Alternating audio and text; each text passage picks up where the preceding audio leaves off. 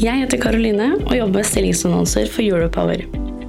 Europower har mer enn 7000 abonnenter, og podkasten du nå lytter til, har mer enn 300 ukentlige lyttere. Hvis du er på jakt etter ny jobb, se stilling.europower.no. Ta også gjerne kontakt med meg dersom du ønsker å annonsere ledige IT-stillinger i fornybar energibransje.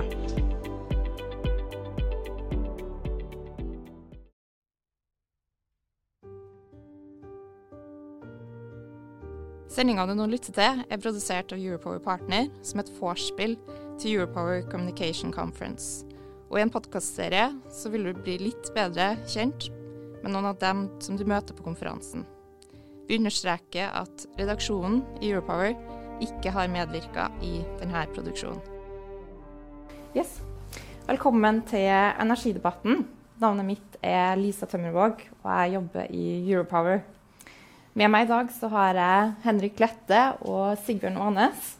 Og vi skal snakke litt om energibransjen sitt omdømme. Og denne episoden her av Energidebatten er et vorspiel til Europower Communication Conference, som finner sted 6.4 hos DNV på Høvik. Eh, vi kan ta en eh, introduksjon av eh, dere to som er her. Er kanskje kjekkest at dere presenterer dere sjøl. Vi kan starte med deg, Henrik. Hvem er du? Henrik Lette. Jeg jobber som kommunikasjonsdirektør i Statnett. Jeg har jobba i energibransjen i en eh, årrekke i forskjellige roller. Og har nå fått gleden av å stå i stormens øye en stund. Yes. Og Sigbjørn Arnes, hvem er du? Sigbjørn heter jeg, partner i First House. Jeg har vært det i tre og et halvt år, men vært mange år i norsk politikk som eh, altså På en god dag ble jeg kalt spinndoktor, på en dårlig dag var jeg væskebærer. Og har alltid jobba med egentlig energi og industri. Yes. Veldig hyggelig at dere eh, kommer hit til studioet vårt. Eh, vi skal som sagt snakke om eh, energibransjen sitt omdømme. Dette er jo et veldig omdiskutert tema. Det er aktuelt. Vi befinner oss jo i ei strømkrise og klimakrise samtidig. Hvordan står det til med energibransjen? Hvordan er omdømmet her?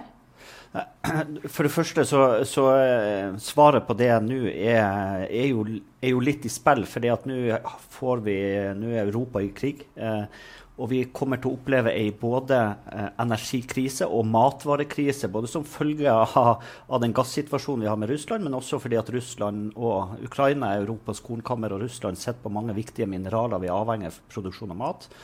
Sånn at, eh, sånn at, eh, det blir interessant å se hvordan det blir fremover basert på det.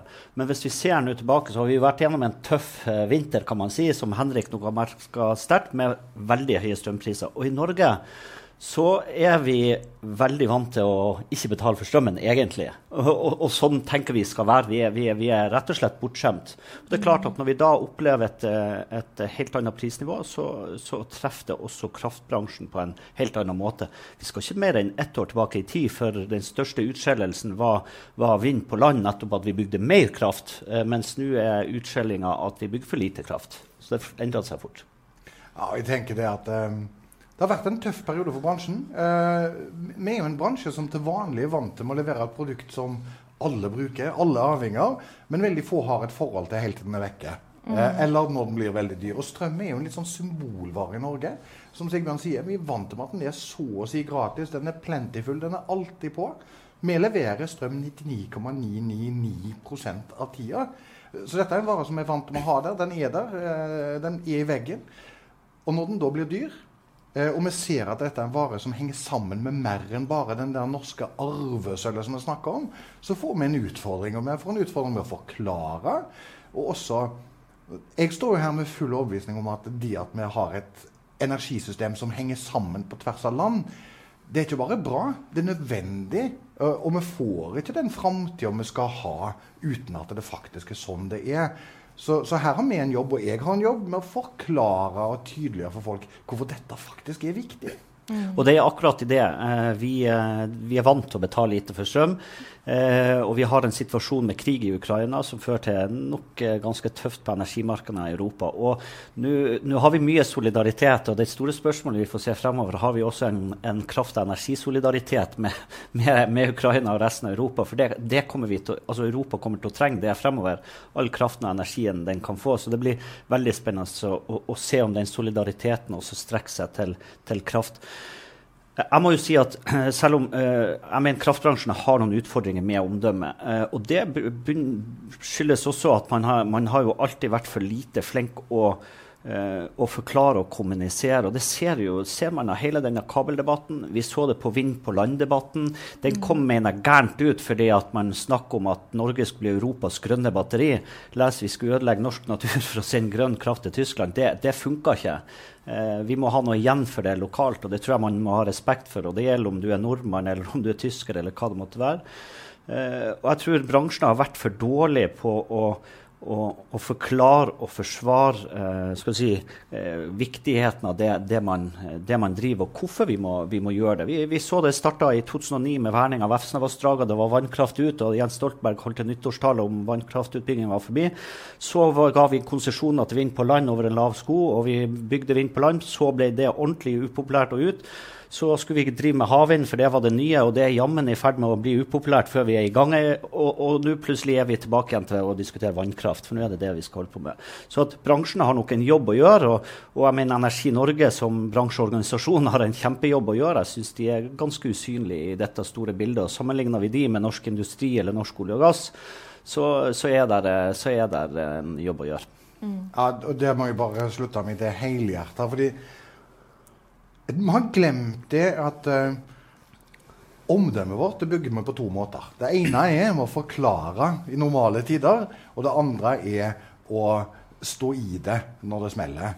Uh, og det vi har gjort, det er faktisk det motsatte. Uh, som bransje så har vi hatt en kommunikasjonsstrategi hvor det er til vanlig, når folk ikke legger merke til oss, så er vi litt sponsor for et fotballag her, og så driver vi litt sånn dryppkommunikasjon om litt sånn uvesentlige ting. Så har vi ikke bygd opp denne forklaringa på det samfunnskritiske virksomheten vi har. Og for å si sånn når, det, Jeg tuller ikke når jeg sier at jeg jobber i Norges viktigste bedrift. Eh, fordi at uten oss så får vi ikke den industrirevolusjonen vi skal ha nå. Uten oss så får vi ikke den omleggingen av energisystemet. Så, så det, og jeg kan godt ta selvkritikk på at det ikke har vært godt nok ute på forhånd og forklart. Eh, det burde vi ha gjort. Men det jeg nå er litt indignert over, er jo også at eh, alle de som var ute og ville ha NorthConnect-kabelen for to år siden, hvor ble de av når kritikken mot de eksisterende eh, kablene kom? Vi har opplevd at det, det har vært en masseflukt. Hvor de er, vet ikke jeg, men de er ikke der ute og forklarer. De er ikke ute og synlig tar en posisjon. Fordi at det, altså, Vi hadde ikke bygd to kabler til til sammen 18 milliarder hvis ikke de var riktige og viktige. Det er de. Det mener vi. Og da må jeg jaggu jommen meg tørre å stå i det og forklare også når det svir. Og jeg, og tenker Omdømme er jo alltid noe man kan diskutere, og det er synsing osv. Men, men jeg syns bare altså, eh, og, og, det kan være ulike meninger, men jeg, jeg, jeg mener beviset på, på den omdømmeutfordringa for bransjen den ligger i havvindpressekonferansen til sittende regjering, når man egentlig skulle starte et havvindeventyr hvor at og vi skal bruke massevis av penger fra skattebetalerne på subsidiering av hydrogen og flytende havvind og andre nye teknologier i det grønne skiftet. Men det var én ting vi visste skulle være lønnsomt fra dag én, og det var bunnfast havvind. Og det, selv det lønnsomme blir altså potensielt et subsidiesluk fordi at eh, kan du si, kraft- og strømdebatten har gått som den har gått. Og det, og det, mener jeg er bare et sånn, en sånn poengtering av hvor bransjen akkurat nå står. Og så er det ikke noe tvil. Det er vanskelig for kraftbransjen og energibransjen. fordi at på andre sida ofte så står det ikke bare Ola Nordmann, men også norsk industri. Og, og industriarbeidsplasser de har høy verdi i, eh, i Norge. Sånn at, sånn at og, og, vårt fortrinn er jo lav, lav kraftpris for å til industrien. Så, så det er klart, det, det, er ikke enkelt heller. Det skal ingen, det skal ingen tro. Men, men, det hadde nok vært mulig å gjøre ting på en, på en litt, både litt mer og litt bedre. Ja, jeg tror absolutt det, både på forhånd og nå i stormen. fordi det jo jeg sliter litt med nå, er at det har fått satt seg en del feilfakta. Mm. Jeg har ikke kapasitet. Altså, mengden eh, leserinnlegg eh, hver eneste dag som er full i faktafeil, er enorm. Men så har vi en stor bransje over hele landet som, som nå må ut og forklare dette. Og kanskje det er nå anledning over, for, som Sigmund sier, nå er vi på vei over i en helt spesiell situasjon hvor energi faktisk er fredsbyggende eh, og samfunnsbyggende utover eh, våre egne grenser også.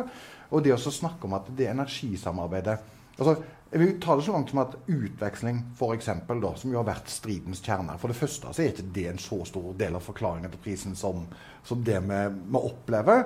Men for det andre, vi lykkes jo ikke når hele Europa skal over på væravhengige kraftsystemer. Mm. Eh, og vi i Norge skal bli enda mer væravhengig eh, i energisystemet vårt. Da er det ikke bare fornuftig, men det er nødvendig å sikre at vi har tilgang på ulike værsystemer, så vi får balansert ut i alle gitte situasjoner. For også det norske kraftsystemet, selv om vi noen ganger glemmer det, er væravhengig. Er det tørt, så har vi lite tilgang. Eh, og at vi da har tilgang på flere kilder, det er faktisk nødvendig og bra.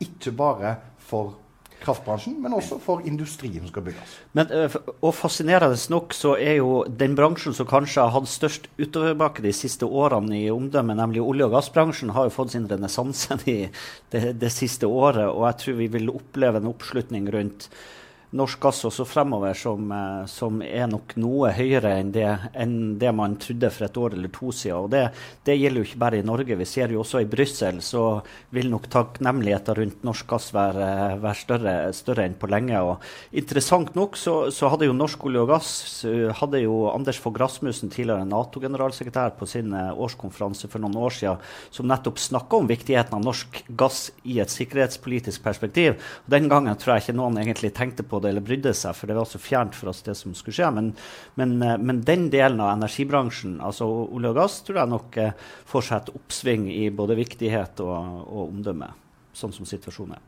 Mm. Så bransjen den er litt uh, misforstått. Det er litt uh, feilinformasjon ute og går. som Ja, Vi har en del muligheter som vi ikke har tatt, tenker jeg mm. også. Sant? Jeg tror vi skal være såpass selvkritiske nå og si det at uh, vi har en del muligheter vi ikke har tatt mm. før eh, priskrisen kom. Og nå i priskrisen. For krise er også fullt av muligheter. For, for, nå har vi oppmerksomheten. Vi kan faktisk bygge forståelse hvis vi gjør det riktig, og hvis vi gjør det solid nok. Uh, det, det jeg liksom, Kanskje kritiserer kommunikasjonsfaget litt òg, altså, men den største myten om kommunikasjon er liksom denne 'legg deg flat'. Uh, og der tror jeg at litt for kommunikasjonsavdelinger er litt for redde for de røde oppslagene. De, de som gir negative. Og så fokuserer vi for mye på de. Mm. Og så glemmer vi Det jeg ser klart i mine mediestatistikk uh, nå, det er jo at det, hvor gjør jeg størst utslag? Jo, til større tilstedeværelse jeg har i saken, til lavere er andelen negative oppslag. Det handler om aktiv jobbing. Det handler om å være til stede, være å forklare, være tydelig. Eh, så det som styrer Ikke pakk ledelsen inn i bomull. Så, altså, før dette brakaløse hadde med vår kommunikasjonsstrategi, den var åpen, tydelig og robust. Og Den siste får vi prøvd oss på nå, men uten at du er robust, så har faktisk ikke de to andre noe verdi heller. For Du må være der, du må faktisk stå opp for det som er posisjonen, også når det stormer rundt. Og Det tenker jeg kraftbransjen må bli bedre på. Eh, jeg tror nok olje- og energibransjen eh, har hatt sine utfordringer på det også. Men, men, men det er liksom der du bygger omdømme. Det er når det er robust. Mm. Jf. Zelenskyj nå. Ja. Men jeg, jeg, tror kraftbransjen har mye å lære av olje- og gassindustrien. Eh, det er klart De har hatt sine utfordringer, olje- og gassindustrien, men, men, men, skal man si det som det er, så er de langt mer proff på kommunikasjon og politisk arbeid enn en kraftbransjen. Det, de er ikke i samme det er, det er, som Champions League og Championship. altså Det er ikke samme liga engang. Og, og det syns jeg også man ser på havvind, hvordan uh, Norsk olje og gass som forening er langt mer framme i skoene. Energi Norge lurer man på hvor er de henne. Så, så, så her er noe å gjøre for det at det kraftbransjen har som nesten ingen andre industrier og næringer i Norge har, det er at det en, du er eid av fellesskapet, sånn at det er meg og deg. Det går ikke an å snakke om noen velferdsprofitører eller andre. Mm. To, du er over hele landet, lokalt til stede. Så, så med de to plattformene så skulle jo alt ha ligget til rette for å, for å, kunne gjøre det veldig bra, men, men, man har ikke klart å utnytte det potensialet eh, internt. Og, og, der tror jeg det, det, det er mye å hente. For, for, den muligheten og det potensialet er det nesten ingen andre bransjer og industrier som har. Mm, Og hva er konsekvensen av et uh, dårlig omdømme? Det er at du det, mest alvorlige konsekvensen er jo ikke at folk blir sinte av deg. Den mest alvorlige konsekvensen er jo at du, du ender opp med feil eller dårligere rammebetingelser. Og, og, og nå syns jeg man har gått på en smell én i 2022 allerede på, på havvind. Så får vi se hvordan det skjer. Men det er klart det det, det, verste vil jo være nå om, nå kommer det, det, dette nettutvalget i juni, og det er satt ned en energikommisjon, og, og jeg tror eh, Nå har de kanskje fått litt arbeidsro, men, men, kanskje de må levere politiske løsninger. Altså, jeg tror Det verste som kan skje i løpet av det neste året, det er at vi får liksom feil politiske eh, beslutninger basert på det du kan si en kortsiktig debatt, og en, en bransje som, som er i litt sånn omdømme omdømmeutfordringer som da ikke har den motstandskraften som trengs. Så jeg tror det viktigste nå er, er, faktisk å unngå at vi ikke får politiske beslutninger som, eh, som på lang sikt egentlig blir feil.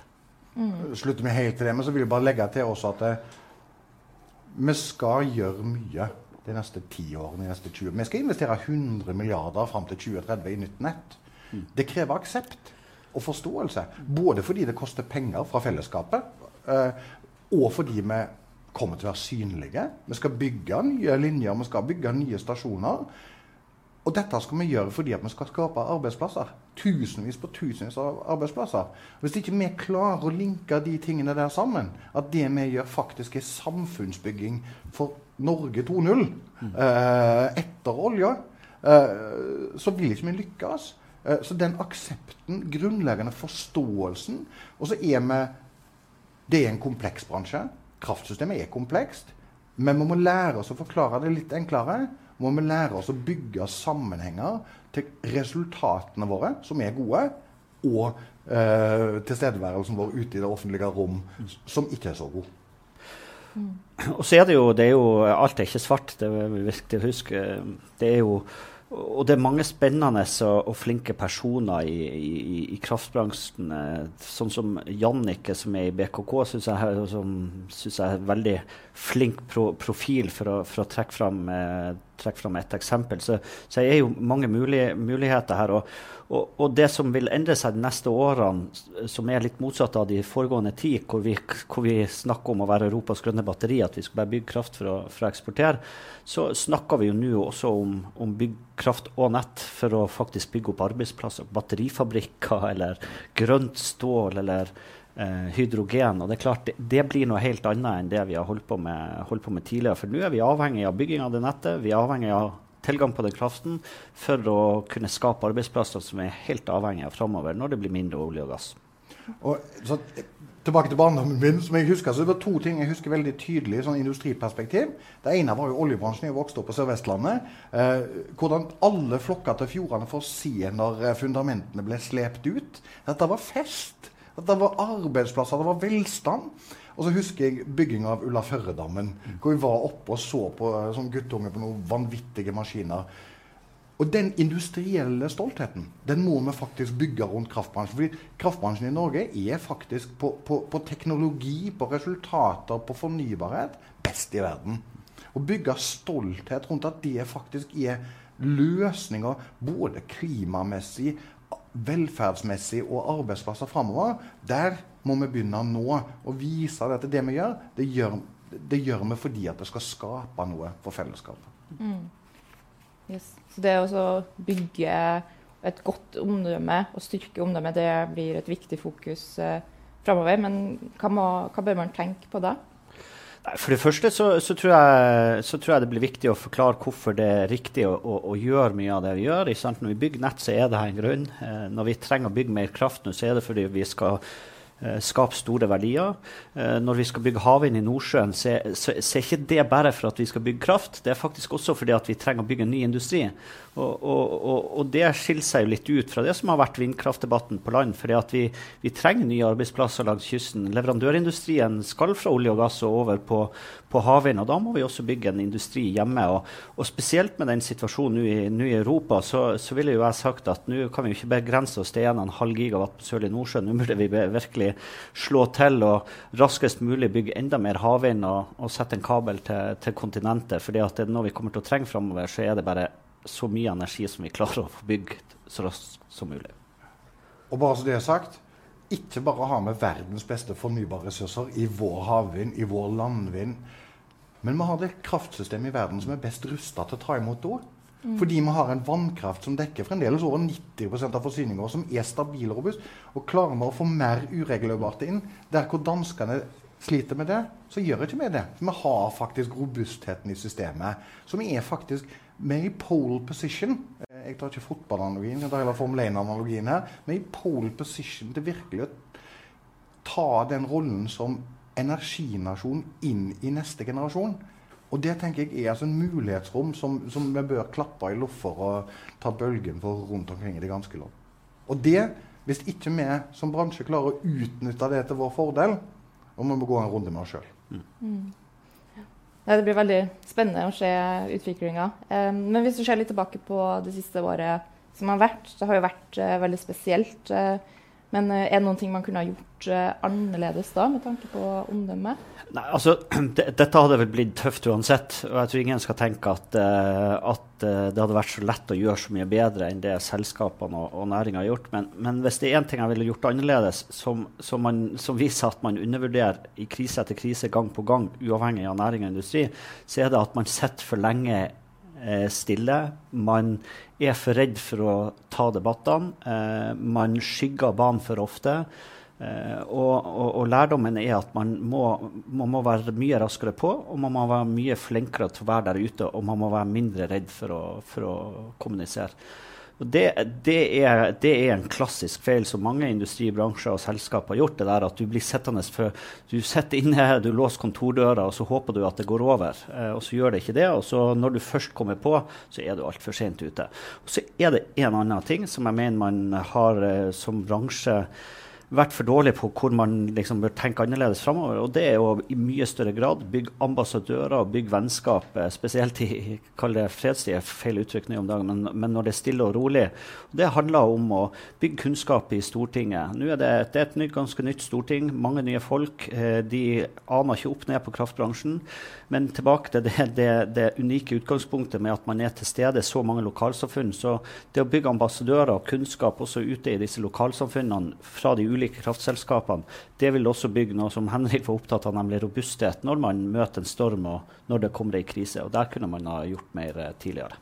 Mm. Bare si amen, uh, og forlenge det med at det er nettopp den der Og, det er jo der vi som, som jobber med kommunikasjon, har en jobb. Eh, vi skal ikke pakke ledelsen inn i bomull. Vi må gi dem klar beskjed. Ja, dette blir tøft. Det blir ikke bedre av at vi står fram akkurat nå, men over tid så det er ingen tvil om du kommer mye mer styrka ut hvis du faktisk har stått der og forklart og tatt stormen, enn hvis du har gjemt deg under en stein og håper at det går over. Så vi må ha en langsiktighet. Vi må ut og påvirke. Så må vi huske at vi må ikke la oss styre av Facebook-kommentarfeltene. Vi skal ut og gi informasjon til de som er mottagelige. Mm. Eh, og hvis vi gir opp det, så har vi gitt opp. Og det er litt for mange som har gitt opp nå. Dette går ikke. Vi må ut, opp i ringene. Ut og få svar. ut og forklare. Ut og si hvorfor dette er riktig og fornuftig, selv om det er tøft akkurat nå. Og den jobben er faktisk vår jobb som kommunikasjonsfolk å ta. Eh, og som bransje så har vi nok ikke tatt den nok. Sånn er det nok. Et spørsmål til deg, Sigbjørn. Eh, har du noen tanker om hva Henrik kunne ha gjort eh, annerledes det siste året? Strengt tatt ikke.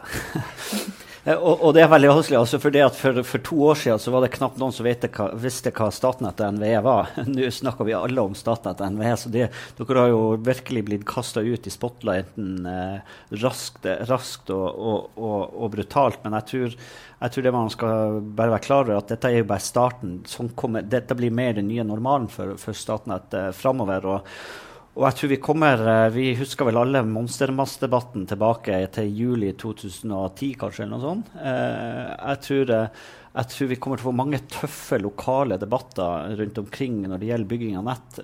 Og, og, og der jeg tror Det absolutt viktigste rådet er å ta folk på alvor og være tidlig ute og kommunisere. For, eh, for, jeg tror det er mange som kommer til å undervurdere den kraften som kan ligge i en lokal konf konflikt framover. Der, der, tror jeg vi kommer til å se mye de neste ti årene. Mm. Jeg må understreke at når vi snakker med, I kommunikasjonsavdelingen som jeg, så snakker vi om Koko-uka. Det var den siste uka i september i fjor. Mm. Da lanserte vi omorganiseringa internt. Uh, vi lanserte en nettutviklingsplan med, med, med 60-100 milliarder. Uh, og uh, vi satte den siste kabelen vår på prøvedrift. Ja. Samtidig som prisene var begynt å peke ordentlig rett opp. Vi hadde en diskusjon før det. da. Noen begynte å kremte til oss også fra bransjen rundt oss om at nå må ikke dere snakke så mye om de kablene. Og Da satte jeg på bremsene fullstendig og sa jeg, de kommer til å havne i sentrum. Vi har to mm. valg. Vi kan ta juling uten å prøve å stå der, eller vi kan gå ut tydelig. Så vår, vi gikk ut som vi alltid ville gjort om prøvedriften der. Og vi bestemte oss dette blir en tøff vinter, men vi skal stå der, vi skal være tydelige, og vi skal være tilgjengelige. Åpen, tydelig og robust. Og Det tror jeg vi har klart å leve etter. For all del masse feil vi har gjort. Altså, det har vært vanskelig. Men, men, det der med å leve etter de tre, det har vært et veldig bevisst valg fra vår side. Som jeg tror akkurat nå, hvis du går inn på noen av Facebook-gruppene, ikke er så populært. Men over tid så er det der vi bygger omdømme, aksept og forståelse. Både hos beslutningstagere og i publikum. Mm. Så det har vært en uh, tøff, tøff, vinter. Tøft siste år. Uh, har det vært veldig annerledes uh, benuttrykket kontra tidligere år? ja, det tror jeg vi trygt kan si. Ja. Det, de første telefonene til meg kommer om sju om morgenen og slutter klokka elleve om kvelden. og det, Sånn har det vært i et halvt år. Det skal jeg tåle helt fint. og jeg skal tåle fint de litt litt småhissige meldingene som kommer fra her og der. Men så, så ja, det er et helt annerledes trykk. Vi jobber annerledes. Vi må prioritere tydeligere. Vi opererer nå med et trafikklyssystem hos oss på å sortere innkomne saker, som, hvordan vi håndterer de. Så vi har måttet jobbe med oss sjøl. Og det er en slitasje, ja da. Men, men ikke mer enn vi må tåle, tenker jeg. Mm. Yes. Så må vi snakke litt om det som er det store temaet om dagen. Verdensbildet preges jo veldig av eh, invasjonen av Ukraina. Eh, hva tenker dere om hvordan den krigen her påvirker energisektoren og omdømmet av den? Nei, altså eh, For det første så påvirker den energisektoren pga. Russland er største eksportøren av gass til Europa. Så det er ikke noe tvil om at det kommer til å påvirke priser. Uh, og det igjen kommer ikke til å gjøre det enklere for Henrik og andre som er i, i kraftbransjen og skal forklare sammenhengen i disse prisene framover. Men, men eh, omdømmemessig, så, som sagt, så, så, var Støre var jo nylig i Brussel og fikk honnør for norsk gass. Og, og etterspørselen etter norsk gass og norsk energi kommer bare til å øke. Og jeg tror også det blir lettere å forklare den viktige rollen eh, den norske krafta gassen har i, i et, eh, i et større europeisk system eh, også, også framover. Uh, men det har jo også en annen side som jeg tror vi, vi ikke har sett ennå, og som jeg, vi ikke er klar over hvordan treffer. Så det er jo matvaresikkerhet. for vi, sant, Gassprisene påvirker matvareprisene. Vi har sett starten på en økende inflasjon med økte matvarepriser. og Ukraina er Europas kornkammer, og Russland sitter på veldig mange av, av de viktige mineralforekomstene i verden. Så, så, så, hvordan dette kommer til å slå ut, det, det tror jeg ikke vi helt har sett ennå. Det, er greit vi er vant til å få billig strøm, men matvaremangel i Europa det er vi ikke vant til. Så, så min store bekymring er at vi får, vi får, en helt ny situasjon og kommer til å få scener vi ikke har, har opplevd i, i Europa siden, siden, krigen. Ja, jeg er helt enig. og, og um, dette krever ro og langsiktighet og, eh, og, forutsigbarhet på en helt annen måte. Så er det klart Energisektoren er sentralt til dette. Og, og, vi ser jo nå tendensene til at den situasjonen vi har vært i med gasspriser som har drevet kraftprisene opp, er nok ikke helt urelatert til den situasjonen vi har fått nå, for å si det sånn. Så, så, så, så energi både en løsning, men også et, et potensielt våpen i en, i en eh, konflikt, er det ingen tvil om. Vi må være robuste nå på at dette kommer til å bli tøft. Det kommer til å bli potensielt tøffe priser. Vi gjør løpende vurderinger nå av hvordan sikrer vi forsyningssikkerheten, hvordan vi forbereder vi oss. Og så må vi som bransje være ekstremt nøye på å ha god cybersikkerhet. Der er vi eh, veldig laglig til for hugg eh, i den helt spesielle situasjonen. Eh, det håper og tror jeg at bransjen er klar for, men, men helt klar tror jeg aldri du klarer å være. Og så tror jeg at vi må Sånn, jeg håper Sigbjørn har rett, at nå er liksom europeisk fellesskap på agendaen. Eh, og at det kan hjelpe oss også til å forstå den situasjonen vi allerede var inne i, med at eh, energien vår er vår, den kjenner vi godt på, men den er også en del av et mye større bilde som er mye viktigere enn bare mm. kraftprisen alene. Mm. Så selv om det er en vanskelig situasjon, så kan det være mulighet til å bygge, styrke om, omdømmet av eh, bransjen. Ja, altså vi, vi, får i hvert fall se hva, hva mangel på energi eller energiusikkerhet vil, vil føre til. og det, det, kommer ingenting godt ut av. Det betyr igjen altså, Hvordan omdømmet slår seg ut, eh, tenker jeg er, for, gjenstår å se. Men at det kommer til å skape en forståelse for at vi må bygge mer energi, det er jeg ganske sikker på. Eh, og det kommer det til å gjøre både i Norge og i, i ethvert land som har mulighetene til, til, å, til, å, bygge kraft og energi. Mm. Yes. Og eh, som nevnt så skal Henrik Lette hun skal på Europower Communication Conference i eh, april. Og, hva, dit kommer jo dem som jobber med kommunikasjon i eh, bransjen. Hva er det de som kommer, kan forvente å lære der? Hva er det du skal snakke om den dagen? Ja, altså, jeg kommer til å snakke mye om, om det vi har snakka om nå. Jeg kommer til å snakke om, om, om behovet for å stå oppreist og for, forhåpentligvis få en god dialog med resten av bransjen rundt det. Uh, for det tror jeg vi trenger å lære nå. Jeg tror vi trenger å lære at nå må vi opp i ringene, ut og forklare, ut og være tydelige. Uh, det vi driver med, er samfunnskritisk både i nuet og i bygginga av uh, framtida. Det krever noe av oss. Det krever selskaper som, som tør, uh, og som vil. Og det krever kommunikasjon. Så kommunikasjonsavdelingene i kraftbransjen, velkommen. Dere har en kjempeviktig rolle. Mm. Mm. Da eh, må jeg takke for at eh, dere kom hit til energidebatten i dag. Takk, Henrik og Sigbjørn. Og takk til dere som har eh, sett på eller hørt på. Europower Communication Conference eh, finnes det 6.4 på Høvik. Det er fortsatt mulig å melde seg på. Gå inn på ecc.media. Vi ses. Sendinga du nå lytter til, er produsert av Europower Partner som et vorspiel til Europower Communication Conference.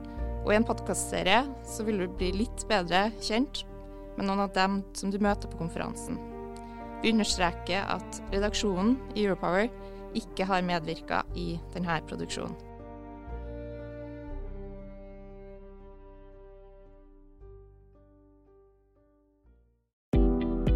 Jeg heter Karoline og jobber med stillingsannonser for Europower.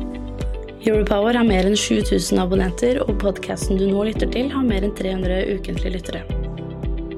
Hvis du er på jakt etter ny jobb, se stilling.europower.no. Ta også gjerne kontakt med meg dersom du ønsker å annonsere ledige IT-stillinger i fornybar energibransje.